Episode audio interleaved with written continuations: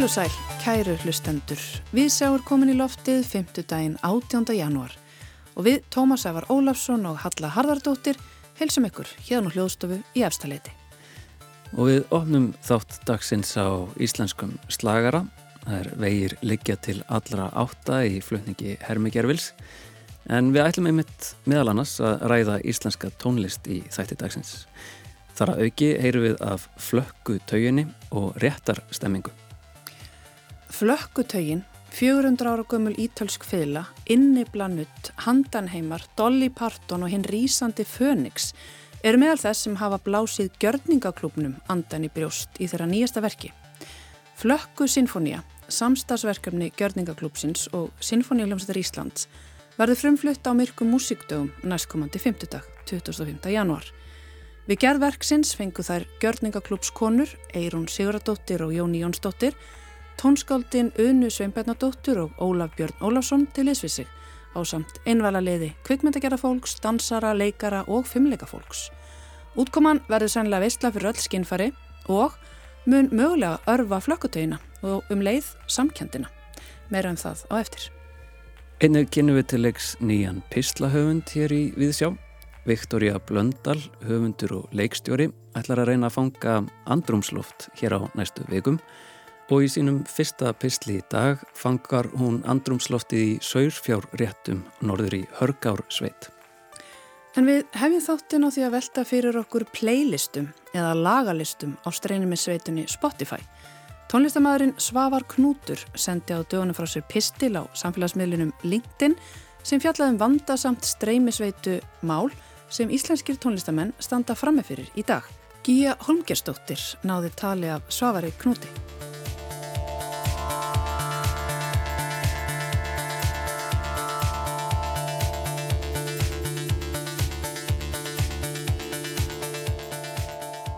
Nú á dögunum þá sendur þú frá þér pistil á samfélagsmiðlum meðal annars Facebook og LinkedIn þar sem þú fjallaður um tvær já, svona nokkuð nýlegar áskoranir eh, sem snúað íslenskum og þá sérstaklega sjálfstæðum íslenskum tónlistamunum önnur snýrað aðgengi ferðamanna íslenski tónlist og svo hinn að efninu sem streymisveitur tefla fram á lagalistónum sínum.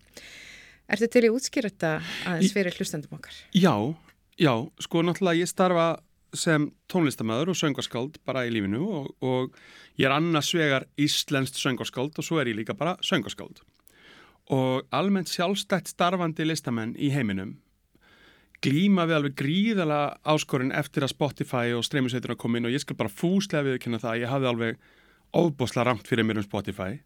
Ég held að það myndi verða sko svona líðræðiseflandi eða svona valdeflandi verkfæri fyrir listafólk en það hefur reynst innlega verið að þverjöfugt að Spotify beinir hlustun á stóru plötu fyrirtækin á listamenn á stóru plötu fyrirtækinum burt frá sjálfstæði listafólki.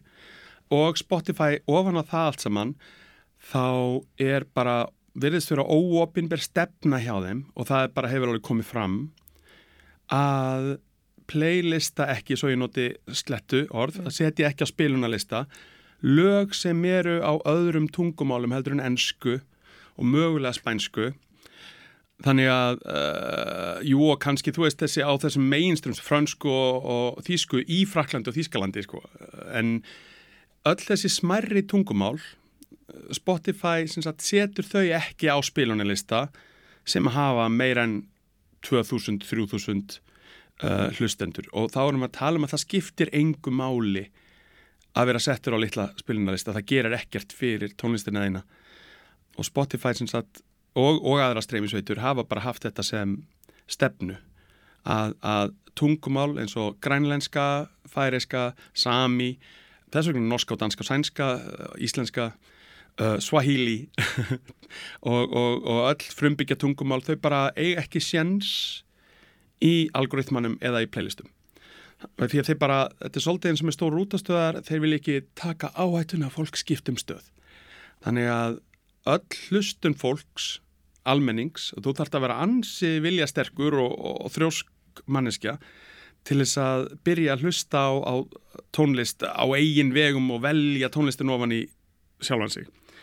Þannig að, þannig að mest að hlustun heimsins er bara að beinast að ennskum meginströmm og það er náttúrulega mjög erfitt fyrir sjálfstættarandi listafólk og, og svo ofan að það þá er náttúrulega þessi nýjasta þróun að geisladiskurinn er bara farin, það er ekki lengur neini geisladiskar í bílum, þá líka bílalegu bílum. Mm -hmm, já, svona geisladiska spilarar. Já, já, já, og það er áskorun sem snýr alveg sérstaklega að Íslandingum og íslensku listafólki því að þegar að fólk kemur hinga til lands, leiði sér bílalegu bíl þá hefur það enga leið til þess að setja íslenska tónlist í bílalegu bíls hérna, geislaspilara og hlusta á einhverja tónlist sem passar fyrir það, passar fyrir ferðina.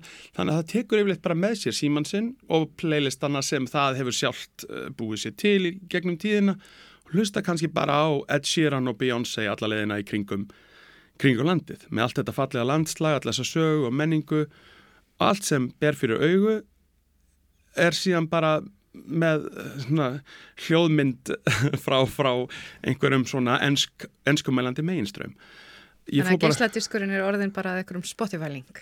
Já, og það er svolítið ves, vesen að, að, hérna, að Íslands listafólk eigi þannig einlega engan aðgang að ferðafólki lengur.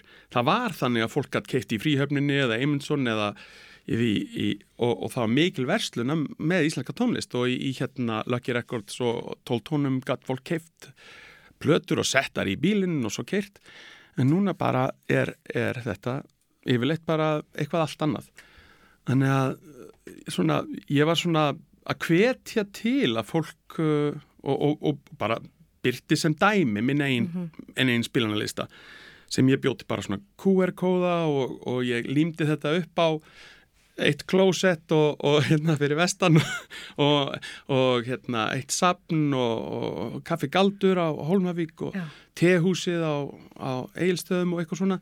Bara einhverju örf á staði. Og bara með því að hafa þetta þarna er, er þetta skrýð upp í 3000 hlustendur þessi litli spilunarlisti sko. Mm -hmm. Þessi spilunarlisti sem að þú, sem sagt, þú sagður einmitt frá þessum spilunarlista í pislinum mm -hmm. og lagalistin, já, komið með hátt í 3000 fylgjendur. Sko, hvað hafður í svona að leiðarljósi í lagavalinu á þessum lista? Sko, mér langaði til þess að tefla fram listafólki sem kannski hefur ekki fengið fullt af aðtegli. Uh, listafólki sem að mér finnst alveg frábært og, og endur speikla kannski svona íslenska sköpun og og náttúru eða, eða samfélag eða svona, svona íslenska výbra mögulega og svo náttúrulega líka bara gamalt efni, bara mm, kórlög og, og safanatríóið og alls konar. Ja. Ég meina, þetta er bara lög sem mér fannst passa vel við það að keira íslenska þjóðveginn og þetta ég auðvitað auðvitað sett ég aðeins að mínu, minni tónlist líka þarna inn og en það sem gerist er að það náttúrulega, og ég sé það alveg, ég get alveg fylgst með þessum lista og ég sé það fullt af fólki þarna sem er kannski með nokkra tugi hlustenda, þú veist, þegar, þegar þetta var að byrja, það er komið kannski hundruð hlustenda núna mm -hmm. og ég hef alveg notið góðsæðs líka, Ólafur Arnald setti mig á einhvern playlista hjá sér fyrir mörgum, mörgum árum og ég held að ég hefi líklega fengið svona 1000-2000 auka hlustendur bara við það að vera á þessum spilunlista hans þannig að maður náttúrulega reynir bara að borga þetta áfram mm -hmm. og það sem ég fór að hugsa í þessu samingi er að af því að Spotify og streymisveiturnar eh, það, það, það er þessi tilneying að íta fólki átt að meginströms og stóru plötu fyrirtækja listamönnum, listafólki að ef að við listafólk, sjálfstæðstarandi listafólk erum döglega að beina okkar hlustendum að öðru sjálfstæða listafólki þá getum við haldi fólki út úr sér í trekt aðeins lengur. Þetta er svona eins og svartól Já. og að við getum reynd að beigja fram hjá þessu svartóli en um leið og fólki komið ofan í þá er þetta svona eins og hérna eins og niðurfall að hérna það er rosalega erfitt að komast niður úr eða út úr niðurfallinu. Mm -hmm. svona mælström, svona ring, ringsvelgur sem að, sem að fólk svelgist ofan í þessa mainströms playlista En, en nú ferðast þú sjálfur mikið um heiminn, uh, spilandi þína tónlist og, og, og, og þess áttar. Um, er þetta eitthvað sem þú gerir aktíft þegar þú ert að ferðast að þú reynir að hlusta á tónlistamenn frá því landi sem þú heimsækir og reynir að komast inn í þeirra tónlistarætur? Ég finnst það opbáðislega gaman að heyra tónlist á móðurmálum. Ég get bara sagt því það að margir af mínum uppáhalds þýsku uh, söngarskáldum, margir af mínum uppáhalds þýsku söngarskáldum eru söngarskáld sem syngja á þýsku. Því að þegar að fólk semur lög á sínum móðumáli þá verður melodían miklu fallegri einhvern veginn Mm. ég, ég, ég, veist, ég, ætla ekki að rembast með þetta en það eru sko öll tungumál bera með sér sína eigin melodíu það er bara hljómfall, þess vegna eru reymar til hljómfall tungumálsins er svo er svo einstakt, hvers svo eins og, og sko sænska og norska gjör ólík tungumál með gjör ólíkar melodíur það er alveg ótrúlegu munur á sænskri og norskri þjóðlega tónlist sungin á sænsku og norsku.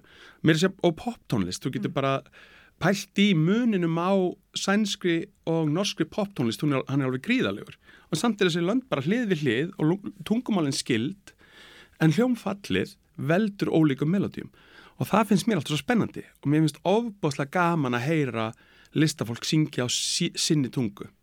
Auðvitað út af veruleikana sem við búum við í dag að Spotify og þessar veitur það er útiloka heimatungumál þá eru fólki í auknumæli farið að syngja á ennsku bara hreinlega til þess að eiga einhvern séns.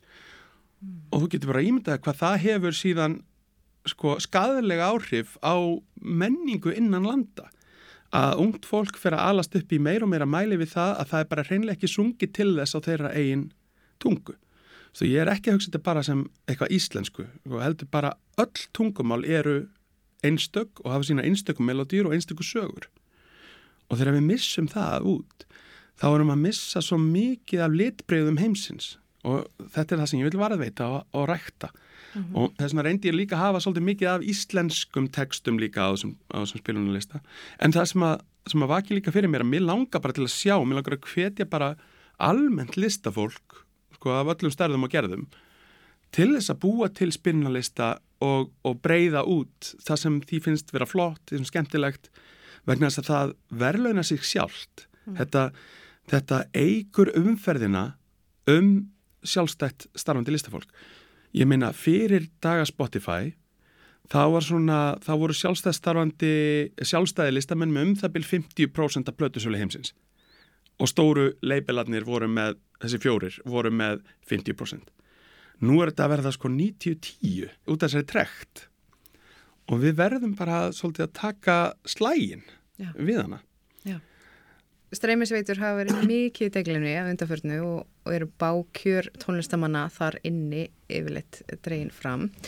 Á um það byrj einum áratug hafa tekjur þeirra útgefinni tónlist rakað allir verulega en fram hafa komið veitur eins og títal sem greiða ögn meira fyrir streymi og miðlar eins og bandkamp þar sem listamenn fótt tölvört meira fyrir tónlist sína. Og því spyrjum við að lokum, ertu bjart sín á framtíðina á þessum málum?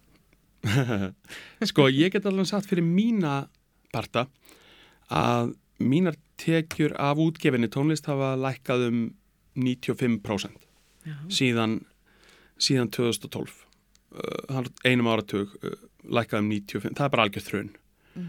ég get ekki sagt að ég sé bjart sín af því að við búum í þau sem að kalla sko tækni lénsveldi þar sem að þessi stóru fyrirtæki hafa algjöra einokun og eru ekki bara einokun sem seljendur og líka heldur einokun sem kaupendur á tónlist.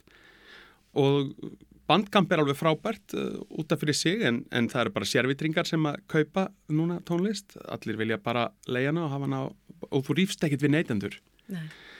og ég held að neytendur sé bara almennt ekki upplýstur um það að jafnvel þó þú hlustir nær einverðungu á íslenska tónlist eða, eða á einhvern eitt listamann þá fara samt 95% penningunauðinum til uh, Ed Sheeran og Taylor Swift og Beyoncé sko. Já, að, hérna, að, því að, að því að það er bara móteli sem Spotify hefur sett upp að það eru svo margir svona búða playlistar, það eru svona þessum playlistar sem er í einhverju síbilju í einhverjum svona sem eru bara með mainstreamsmusík og þeir spila bara non-stop allan sólarhingin og jafnvel svona botaðir og, alls, það er alls konar tæki sem að stóru leipilarnir hafa til þess að íkja sína spilanatölur gagvart uh, hinnum svo fær fólk bara borgað úr potti þannig að sjálfstæðstarfandi listafólk fær aldrei meir en kannski 5% 10% af öllum, öllum sem tekjum sko. þannig að það skiptir eiginlega engum máli og Tædal ætlaði, Tædal held ég voru að reyna að mhm. búa til mótel þar sem að fólk fengi borgað frá sko í rauninni hlustandanum. Þannig að ef að hlustandin hlustaði mest á þennan artista þá, þá fengi sá uh, svo listamanniskja peningin mm -hmm. en stóru fyrirtækin hótuði að taka allar katalókana sko út af tætal ef að þetta mótil er tekið upp. Það er svolítið stort Það er svolítið og þess vegna hætti tætal við það.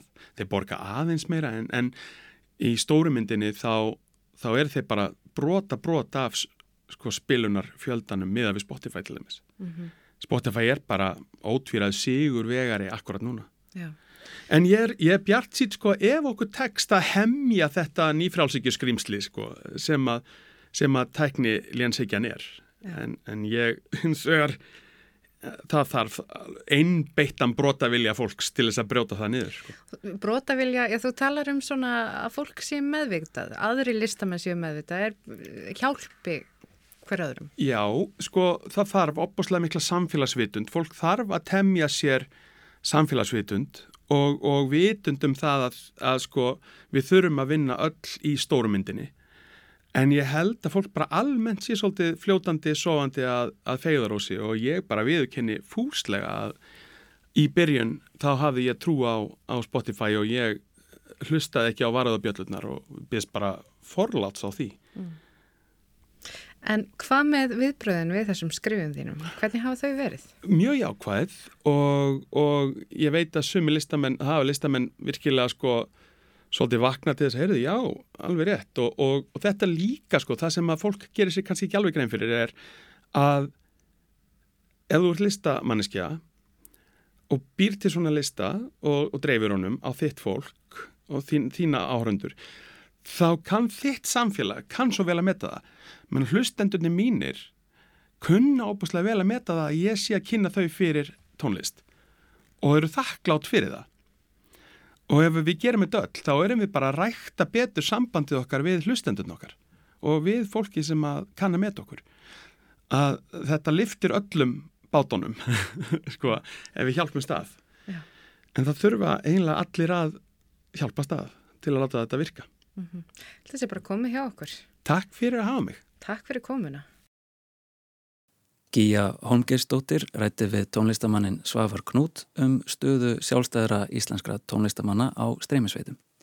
En þá er komið að nýjum pislahöfundi hér við sjá. Viktoria Blöndal, höfundur og leikstjóri, allar að reyna að fanga andrumsloft hér á næstu vikum og í dag fer henni réttir.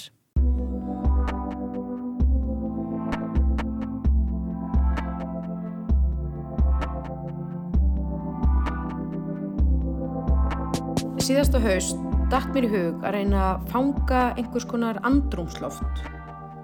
En það er nú kannski ekki eitthvað sem að fangar svo auðvitað, það bara er. En það er ótrúlega mikilvægt og skiptir mig gríðarlega miklu máli og hefur eiginlega alltaf gert, bara frá því barn. Og ég reyni yfirleitt að stilla andrumsloftið eftir mínu skapi sem hljómar þegar ég segi það svona upphátt og í útvarpi allra landsmanna eins og óstjórnleg frekja. En þa það sem ég meina er eiginlega bara, ég reyni yfirleitt að stilla það eftir í hvaða stöð ég er. Ok, stöð eða skap til skiljið. En ég veit að þó að ég sé einhverju stöðis er fólk sem ég er með kannski ekkert í sama stöði en ég reyni ofta að stilla það einhvern veginn til sem ég ætti kannski að endur hugsa og hætti að gera. En ég ger þetta líka bara því ég er ein heima með hundinu mínum eða ég er ein á skrifstofunum minni eða bara hvar sem er. Ég nota oft tónlist eða lykt, reykjáls eða kerti eða svoleiðis. En ef ég er með fólki þá nota ég líka spurningar til þess að stilla einhvern veginn stemninguna. Og mér fannst uh, mjög áhugavert að fara uh, til fólks, uh, bæði út á landi þar sem ég er ofta að ferðast vegna vinnu eða, eða mér til skemmtunar, eða bara hérna í Reykjavík. Draumurinn er og draumurinn var að hitta fólk bara út um allt hvort sem það var í vinnunni hjá því eða heima hjá því og, og ræða þetta þess, bara pæla í andrumslofti þess.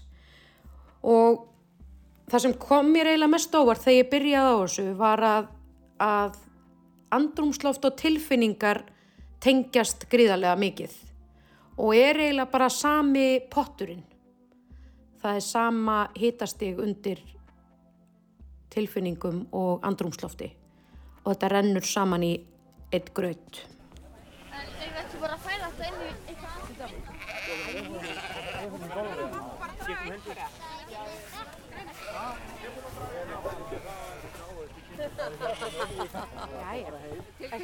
Ha, já, já, já, ég reyndar er alltaf mjög vandræðileg, sko. Já, ég lí- bara líka. Ha, já. Hvað sér þau? Jú, Bragholt er hérna og reistar á þarna. Gekkja. Viltu kannski bara byrja að segja mér bara fullt nafn? Já, ég heiti Sigriður Kristín Sverrisdóttir. Og, og þú átt eitthvað Ég bý í skriði í Hörgóttal. Geggjað. Sko, mér langaði bara að, að bara, ef þú getur líst, og, og ég he- hef líka heyrt að þú hafi, þetta sé ekki í fyrsta skipti sem þú gerir þetta. Nei, alls ekki, sko. Nei, bara tilfinninguna þegar, þú veist, hérna, kindurnar er að koma hér að réttinni og þegar þú ert búinn að draga þínar kindur í, í dilka og bara, þú veist, þetta þarf ekkert að vera eitthvað... Síðasta haust fór ég norður í Hörgarsveit í réttir. Ég hef alveg komið í réttir áður og ég hef meira þess að fara í göngur, ríðandi í Húnafjörnsíslunni. Fyrst þegar ég var svona 13-14 ára fór ég með stórvinu mínum Ragga Tom sem sótti mig á hverju mennsta degi á heiðabrautinu á Blöndósi til að fara upp í hestús að ríða út og mók út skýt. En þarna var ég sko nýkomin frá Mallorca og var með fléttur í öllu hárinu og gati eiginlega ekki verið með hjálm og því hjálmlaus allan lagsárdalinn. En svo setna, ég var hún aðeins eldri, fór ég aftur með pela í vasanum en var þá með hjálm. Ég veit auðvitað ekkert um þetta þannig sé. Börni mín vissu til dæmis ekkert hvað við værum að fara að gera í sveitina en um leið og þau heyra það að við séum að fara í sveitina þá trillast þau. Hvaða fjöll er þetta?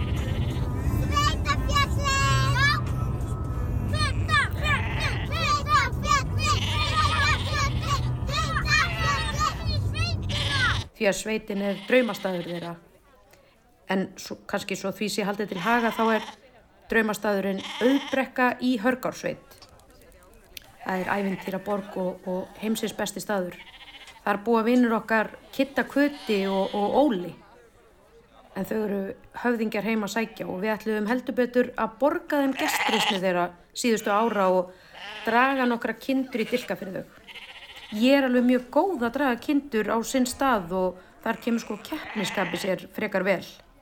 En ég sem sagt mætti með allt mitt malbyggstrall, börn og böru og vildi endilega sína um hvernig þetta að gera þetta. Og þar hitti ég meistara Siggu og Skriðu. Já, gangnastjóri. Já, já, já. Ég er, ég er gangnastjóri, já, á, á einu svæði. Já. Þannig að þú hefur einhverja svona yfirsýn og, og, og stjórn. Já, Ertu með, þú ert með talstöðar. já, já, já, já. Já, já. Allir með talstöðar, sko. Já. Já, já. Sko ég er náttúrulega bara algjör borgarbarn og er bara hér, hérna, þannig að þetta er líka bara eitthvað magna að sjá það er einhver svona samstæða í gangi og fólk Já. bara, Þetta er bara rosa skemmtilegt og góð dagur hjá okkur og góð tilfinning. Við erum til dæmis, sem sagt, eh, í morgun fóru frá mér rétt tæplega 40 manns í göngur. já, Já. en þú ert með margar. Já, ég og 700 kindur. Emmi. Og erum með svolítið stórt svæði sem er samt bara smala á einu degi. Já. Þannig að þetta dreifist á sem sagt, fimm svæði í rauninni sem ég er að senda. Ok, já, emmi. Þannig að þetta er bara, Og en tilfinningin svo þegar kindurnar komast, fara allar heim, eða þú veist, þegar þú færið þar í fjárhúsi, já, bara þegar við tökum inn, já, það er líka alltaf bara mjög gaman. emmi. Já, og bara svona, svo þá líka bara svona komið annar ástími og svona annar rithmi bara í lífið, sko. Já, Þegar maður fer að taka í hús og þarf að fara að sinna þeim þannig, sko. já. Það er bara, Þannig að þetta er svona dag, þú veist, er þetta uppáhaldsdagurinn þinn? já, í rauninni er þetta bara uppáhaldsdagurinn minn á árinu, sko. Emmi. Þetta er bara rosa og svo bara er yngsti sónum minn núna heima að grafa lambalæri í hólu. Ah, Þannig að svo er bara veisla í kvöld og bjór og kút og gleð og gaman. vita, almennileg. En byrju, farið þið heim með allar kindurnar í dag? Eða Já. Já, sko í rauninni megnið af mínum kindum eru bara heim í hólfi Já. og við réttum þeim svo klukkan tíu fyrramálið. Já, býtu, en það er fara allar á sama stað? Nei, Já. ekki svo, ekki svona réttir? Jú, bara hér, Já. á í fyrramálið. Já, já, já. Þannig að þetta, nú í dag erum við þess að þetta rétta hérna Þorvaldsdal og Íllagilsdal og Já. Auðbrekkufjalli. Já, En svo bara hérna réttum við þess að af dölunum sem að í rauninni tilheyra okkur í fyrramálið. inn, Já. ok. Ég bara, Og þú er bara velkomin ef þú vilt koma. já, geggja. Ég er náttúrulega með hérna einn litla mannin hérna. Það er sko sonur minn, litli, hérna. Hann er öflugur, ég, ég spottaði hann út og sá að ég getur örugglega fengið þennan í göngur eftir nokkur ár. Já, það, Það er ég svona, er vissum að hann mun ekki sofa fyrir hann ke- kemst hítið aftur, bara, þannig að, Já. ymmið, kannski sjástu bara hérna. já, kannski sjáumst við fyrir. Geggja, Já. takk fyrir kærlega. Sömulegis.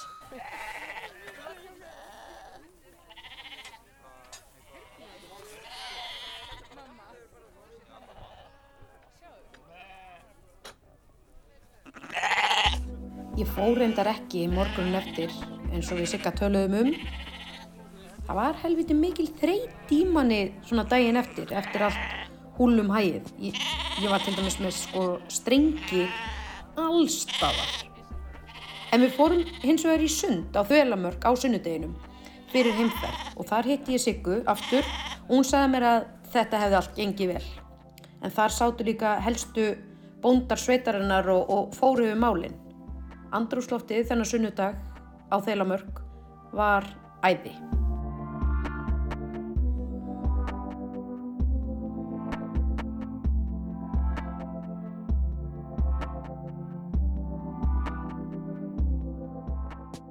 Viktoria Blöndal fangaði stemminguna í réttum í Hörgársveit í sinu fyrsta pisli af sex þar sem hún reynir að fanga andrumsloft ákveðina staða. En úr réttum höldu við á slóðir nýs listaverks sem mun eflaust skapa magnað andrumsloft þegar það verður frumsýnt á myrkum músikdögum í næstu viku. Já, 5. daginn 25. janúar mun gjörningaklúpurinn í samstarfi við Sinfoníuljónst Íslands og fleira listafólk frumsýna nýtt verk þar sem að tónlist, myndlist og kvikmyndalist renna saman í eitt. Ég hitti þær gjörningaklúps konur Jóni Jónsdóttur og Eirunu Sigurðardóttur.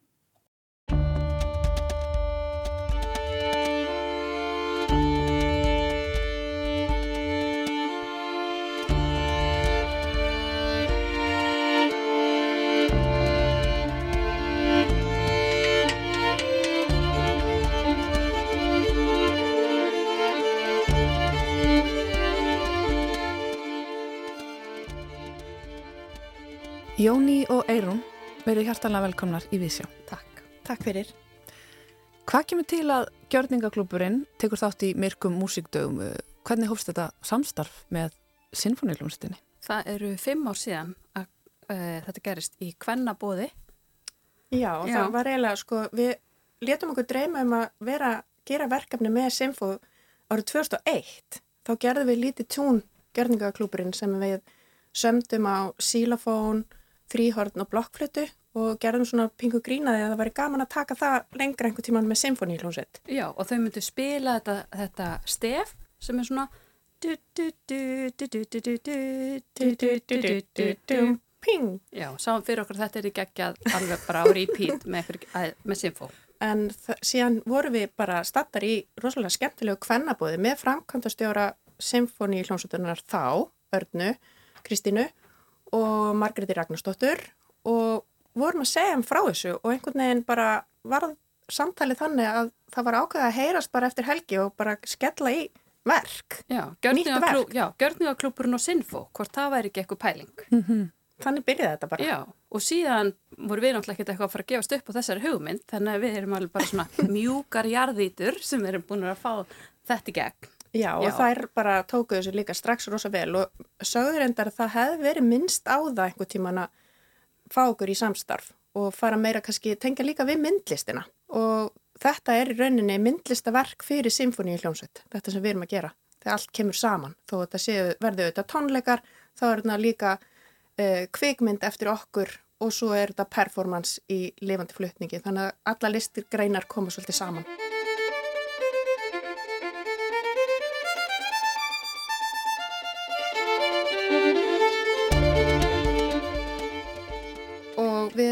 Nota líka hljóðfæri sem að hafa uh, sjaldan eða jafnvel aldrei verið notið og grunnurinn er, kemur svolítið líka sjónrænt inn að þetta eru hljóðfæri sem okkur fannst bara vera svo ótrúlega fögur og svo vorum við þetta með miðil með okkur líka, Já. einaferðin enn. Við erum að nota aðferðin okkar miðil-miðil þegar við fáum miðil með okkur á upphafsstigum hvers verkefnis. Einmitt, þetta eru þetta einhver aðferð sem að þið eru aðeins búinar að vera þróa og vinna með, miðill, miðill. Kannski verið um þetta aðeins upp.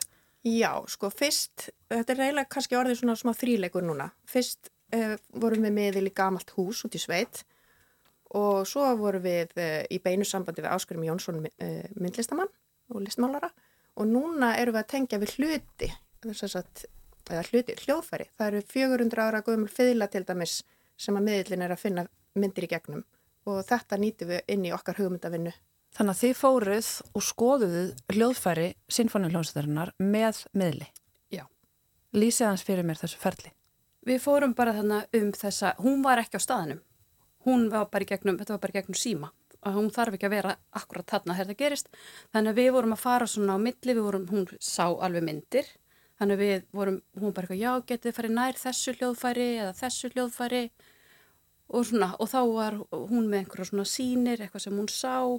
Og líka bara svona kannski, já, það er mikil gleði sem fylgir þessu, þú veist, og við vorum að vinna, Litir litir, og við vorum að vinna og erum að vinna með bara allar heimsálfur líkamanns, sem sagt bara í rauninni líkamann sem eina held og já, þannig að sumt var að tengjast kannski Suður Ameríku, annað, þú veist, þetta var bara algjört æfintýr að vera þarna niður í þessari hljómfæra, hljóðfæragemslu. Og svo líka æðislegt þegar hún hérna, fann fyrir þessari fiðlu sem er eitthvað alveg mögnuð og hún fa fann strax náttúrulega að hún kemi frá Ítalju. Það, hún sá bara rigna ólifum en svo hafði þessi fiðla verið lokuð inn í bankahólfi í einhver tíma og, og greinilega verið að vernda hana fyrir einhverjum utanakomandi öllum. Ég held að þetta hafi verið á stríðsárunum Já, hann var að láta sér leiðast þarna með einhverjum gömlu málverkum. inn í einhverju bankahólfi og, s- en svo var líka mikill dans í kringum hana. Já. Þannig að þú veist, það, var- þú veist á 400 árum, maður fær bara gæsa og þá er þessi fiðla búin að upplifa svo ótal marga, marga myndir.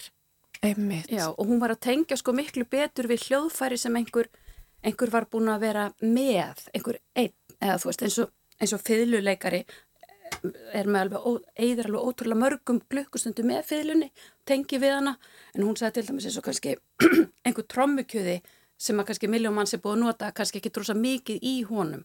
Og líka eins og hún sagði ný hljóðfæri, fyrir henni er það þá kannski 100 ára komið hljóðfæri, ég veit það ekki, Mm. og þau sem verður svona málmi og eitthvað, það var eins og væri settist mismikið einhvern veginn í þau eftir því úr hvernig efnið þau væri. Já, Já, og hverjir hefðu spilað emitt á hljóðfærin. já.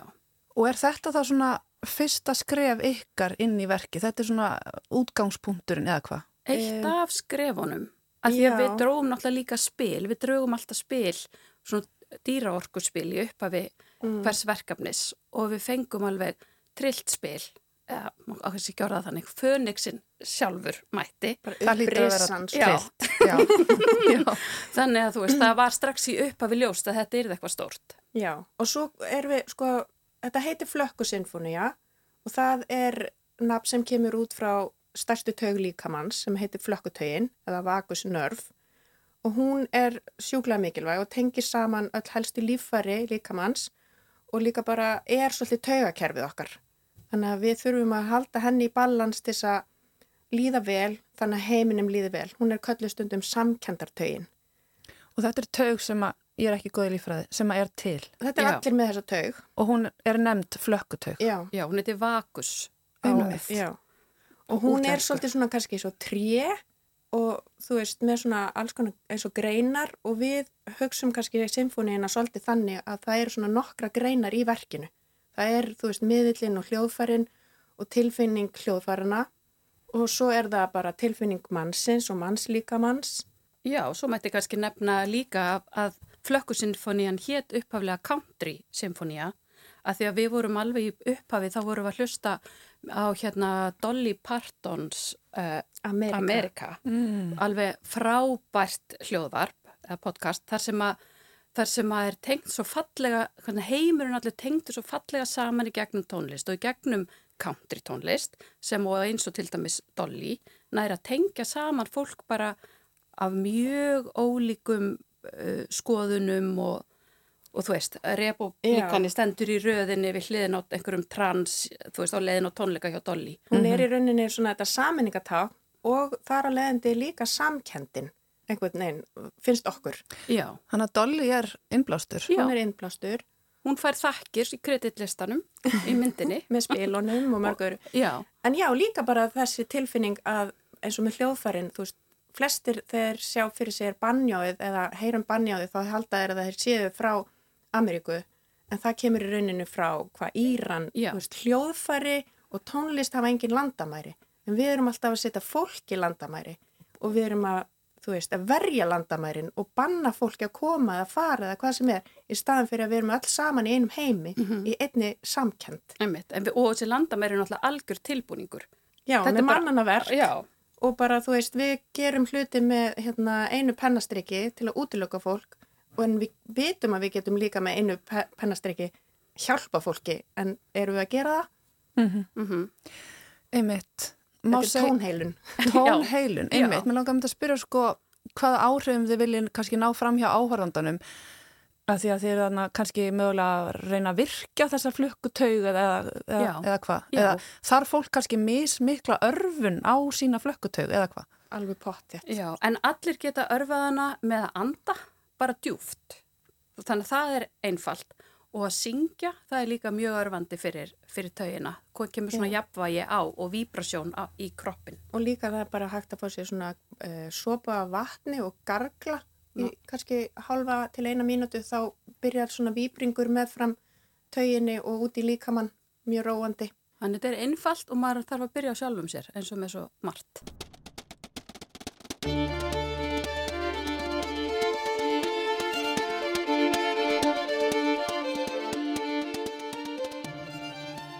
Sko þetta er greinlega rosalegt sjónaspil þegar að virka þarna öll skinnfæri, heyrist mér og þetta er mikið samsköpunarverk líka. Það er alls konar fólk að taka þátt í þessu með ykkur. Ég sá að það eru, þau eru auðvitað með þarna vídeo og þau eru með tónlist, þau eru að vinna með tónlistafólki og það eru inniplanuttarar. Segið mér hans frá þessu samstagsfólki ykkar. Já, það var mjög fljótt ljóst að við Jóni myndum ekki semja sinfoníu eh, alveg einar þar sem við bara kunnum hvoruðar á hljóðfari, erum ekki tónlistamentaðar Nei. en við höfum unnið með, við höfum kynnt okkur svona framústefnulega tónlist, við unnum til dæmis með Ensemble Adapter á tíma Mhm. hana, fyrir ákveði verkefni, það var mjög upplýsandi og fræðandi og myndlistamenn hafa alveg unnið með eh, Tónlistarfólki. tónlist, já, Já, og tónlist, bara já. Kates og fleiri náttúrulega. Og við höfum líka unnið svolítið með Ólafi Byrni Ólafsinni sem er annað tónskaldið. Hann hefur komið að við sögu í nokkrum verkum eftir okkur. En okkur langaði núna líka að tónlistarhlutin er því líka samstarf. Við erum í samstarfi alla daga en okkur langaði ekki að velja bara einhvern einn sem að væri í samstarfi við okkur heldur að það væri samtal líka hjá tónlistarfólkinu. Já. Þannig að við völdum unu Sveinbjarnadóttir með okkur og þau þekka líka hvort annað og eru bara æðislegir samstarfsaðilar. Já, og Una þekkir náttúrulega mjög vel til í Sinfo, hefur náttúrulega unnið þar lengi. Já. Vel að fiðlu. Já, Já. þannig að þau eru búin að vera með okkur nánast allan tíman og Já. svo erum við náttúrulega að gera þetta kvikmyndaverk og þar erum við með bara ennvala lið af fólki, þú veist, æðislega tökukonu og bara ljósa fólk og bara allir bara sem koma að. Já, það er valin maður í, í hverju rúmi eins og það Mhm. stendur og Já. maður er hrettur um að byrja að telja upp að því þá gleymir maður. Já. Ég sá að Margrét Viljónsdóttir leikona er þarna í stórlutverki. Já. Einmitt. En hún leikur sjálfa taugakonuna sem að er verndari flökku taugarinnar í rauninni. Já. Mikilvægt hlutverk að vera verndari taugarinnar. Getið líst fyrir mér aðeins svona sjónaspilinu sem mun eiga sér stað? Það er svolítið snúið. Við Mm. náttúrulega vitum hvernig kvikmyndin lítur út Mhm. og það er búið að semja tónlistina eftir ákveðnum hugmyndum en hún er bara að fara að framkallast í næstu viku, þú veist, fram að Mhm. síningu. Með tónlistinni. Já, þannig að þú veist, öll heldin, við höfum eftir að sjá hana, gerast. Já, já, en sko myndin sjálf, hún er svolítið svona byggð upp í einhvers konar sjöþáttum líkt og kannski svona tónverk. En mjög abstrakt, þar sem við ferðumst svona úr einum heimi í annan og það sem við köllum frá krúnu til kúlu því að flökkutögin tengist eila frá heilanum í rassin, hinn heilan okkar eða þarmana og við erum svona að fara á milli innan tögakerfisins inn í nokkra greinar, gleði, heilan, nutt, já, inniblinn, það er svona ýmsir svona Já, þetta byrja kannski Strengir. á, já, að það er verið að vekja upp allt kerfið, fara í magan, nutta alveg mjög, mjög djúft inn í magan Hmm. og bara að því það talaði líka um alls konar tilfinningar setjist að í mismunandi líffærum og eitthvað svona, það er að nutta þetta svolítið til, þannig að allt virki vel áður um að leggur að stað í ferðalagið í myndinni. Bara svolítið eins og maður er að gera líka sjálfur í lífinu þegar maður er að fara, við erum búin að vera mjög mikið sjálfur að fara í alls konar tónheilun og æfa jóka og pílates. Maður er alltaf að reyna að finna sér leðir til að fara inn í, opin inn í daginn og ekki vera alltaf með einhver höft í líkamannum eða sálinni og þannig byrjar í rauninni þetta ferðala líka. Já, þannig að okkar draumur væri bara að þú veist að fólk myndi bara setjast niður með opin huga og bara taka á móti og þú veist, svo eru við með væntingar um hvað gerist og hvernig fólk myndi upplifa þetta en veist, það eru bara að fara að sitja þarna hvað sem þetta er, 1500 manns eða hvað þetta er stór salur og bara hver að fara að upplifa þetta á mismunandi vegu. Þetta er svona eins og að fara bara, eins og ég var að segja, við förum í kannski tíma í tónheilun. Þetta verður eins og að fara í, tíma í sjón og tónheilun. Það er eins og þú varst að segja líka að það er öll skilninga við, við þeim virkju. Það er kannski lykt sem að við náum ekki þarna inn. Ef, bara, ef einhverju með sterkan rakspýra eða eitthvað þá er Það það, svona auka. Öruglega eitthvað líkt í salnum. Já, en það er svona einhver upplifting sem við, okkur, við værum alveg til í. Já, Væri og gaman. okkur langar svolítið líka bara í samkend. Já, Vonandi fer fólk út með svolítið af samkend.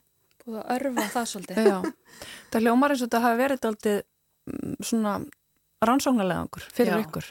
Algjörlega. Mjög mikið. Bæði persónulegur og svona og svo þetta við saman að ræða alls konar mál í stærra samhengi. En já, þetta er búið að vera mikið ferðalag. Það búið að vera margt líka bara í gangi hjá okkur, bæði í engalífi og í gjörningaklubnum og það skila sér líka inn í þetta verk því að maður er búin að vera leitandi og uh, svona gera alls konar hluti sem að maður hefði kannski ekki gert eins og að fara í svona viskeral nutt sjálfur, svona innibla nutt sem að bara maður hafði aldrei heyrt um og er bara mjög spes en við mælum með. Sko þið eru að vinna hérna með samsköpun, uh, flökkutegina sem að kannski er ekki mikið rætt svona í almennur umræðu, drauga, miðla, fortíð, framtíð og þetta er svona órætt svæði sem þið eru á uh, og á landamærum einhvers konar uh, vísinda en samt ekki, kannski handan þeirra. Hvað heillar við þetta svæði? Alltaf svona öll grá svæði eru mjög heitlandi og eins og bara þegar vorum að teikna upp svona hugmyndakort fyrir þetta allt í upphafi, þá vorum við líka með svona austræn og vestræn læknavísindi. Að því að stundum talaði um þessi vestrænu eins og það sé eitthvað nýtt menn að þegar það er svo miklu, miklu eldra og meiri reynsla komin á það heldur en mjög margt í vestrænum Mm ví- læknavísindum. Og þó svo að margt læk, vestræn læknavísindi gerir kraftaverk, maður er ekkert að gera lítið úr því en það er þessi samtvinnun sem er áhugaverð og það sé hægt að taka gott úr báðu og eitthvað svona, eitt útilokku ekki annað. Já, þetta er kannski bara einhver svona áhugi fyrir akkurat þe- þessum svona mismunandi, uh, hvað sem að svona takes, eða svona hvernig fólk tekur mismunandi inn þar sem er í bóði og kannski oft best að gera, n- náta að vinna saman á einhvern hátt. En já, það er bara kannski líka þessi handanheimur og aðra vittir, uh, aðra sögur sem að eru alltaf heillandi eins og með hljóðfærin.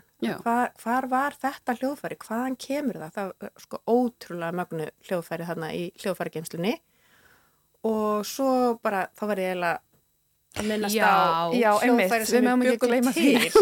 til. Hlustendur sjá því miður ekki þessi fallegu hljóðfæri sem að þið eru hérna með. Uh, Getið þið líst þessu fyrir mér? Já, þetta heitir finsk salvia sem að er, uh, nafnið kemur til af miskilningi og miskilningur er mjög þakkláttur í skapandi starfa því að hann kemur einhverju öðru af stað. Bætir alltaf einhverju við. Já, Mm þannig að við erum hérna með fjórar finskar salvíur sem að við byggum til út frá þessu miskilningi og hljómsveitin mun spila meðal annars á. Já, við erum búin að gera þessi 30 svona uh, pappavendi Látið hann til að heyrast í Já, þeim. það hérna, munu á einhverjum tímapunkti í verkinu það mun heyrast vel í hljómsveitinni með þetta og já þannig að við erum svona, það fer svolítið inn í performance eh, elementið í verkinu. Já, pappýrin er líka leiðarstef í gegnum sko vídeoverkið sjálft og þar tengjum við líka í áskrimverki sem við gerðum uh, og var sínt á listasafni Íslands á sínum tíma 2019. Þá vorum við að vinna með pappirinn sem svona grunni element í skapandi ferli þannig að öll verk tengjast og hanga saman bara eins og flökkutegin. Einmitt, þetta verður greinlega veistla fyrir bæði augu og eiru, Jóni og Eirun. Þið hafið starfað saman núna í nærðum því þrjá áratugji að gjörningalist. Er þetta einhvers konar hápunktur hingað til eða hvað er öll verk hápunktar? Öll verk eru hápunktar en þetta er samt aðeins meiri hápunktur. þetta er stærsta verk sem við höfum gert á ferlinum. Það er alveg óhætt að segja það. Já. Bæði svona uh, þessi, þetta mikla samstarf sem að, uh, við erum að búa til í, með kvikmyndinni og tónskaldunum en svo líka samstarfi við sinfóni í hljómsveitina. Það er líka mjög stort og, og, hérna, og þakklátt og skemmtilegt. Samin að þetta allt saman. Já, einmitt. Og við hefum ekki gleymað, við erum sjálfar að gera gjörning í upphafi verksins. Við verðum á sviðinu í byrjun. Og ætlum að spila með hljómsveitinu þetta. Við sleppum þetta ekki því tækifæri.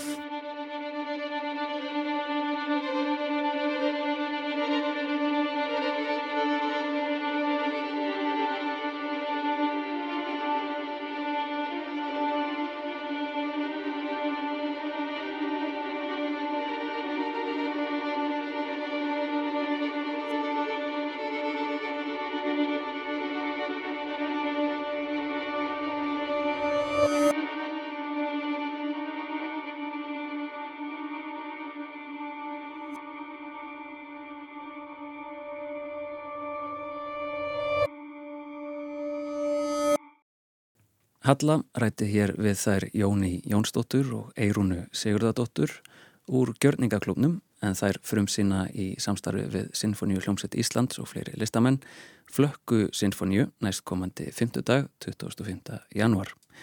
Við heyrðum hér einnig nokkrar skissur úr hljóðmyndverksins sem tónskaldin Una Sveinbjarnadóttir og Óli Björn Ólafsson eru höfundrað.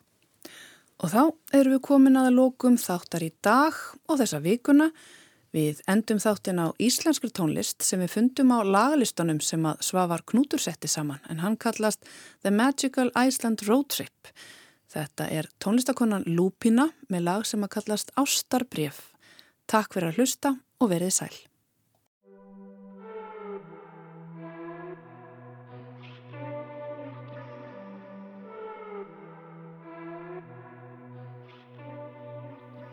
Þú byrði huga mér án þess að vita af því þú vildir fara aðra leið án þess að halda í mig. Versnáminn ímyndaði vinur spjöllum dag og nótt þú fyllir tóma rúmið þegar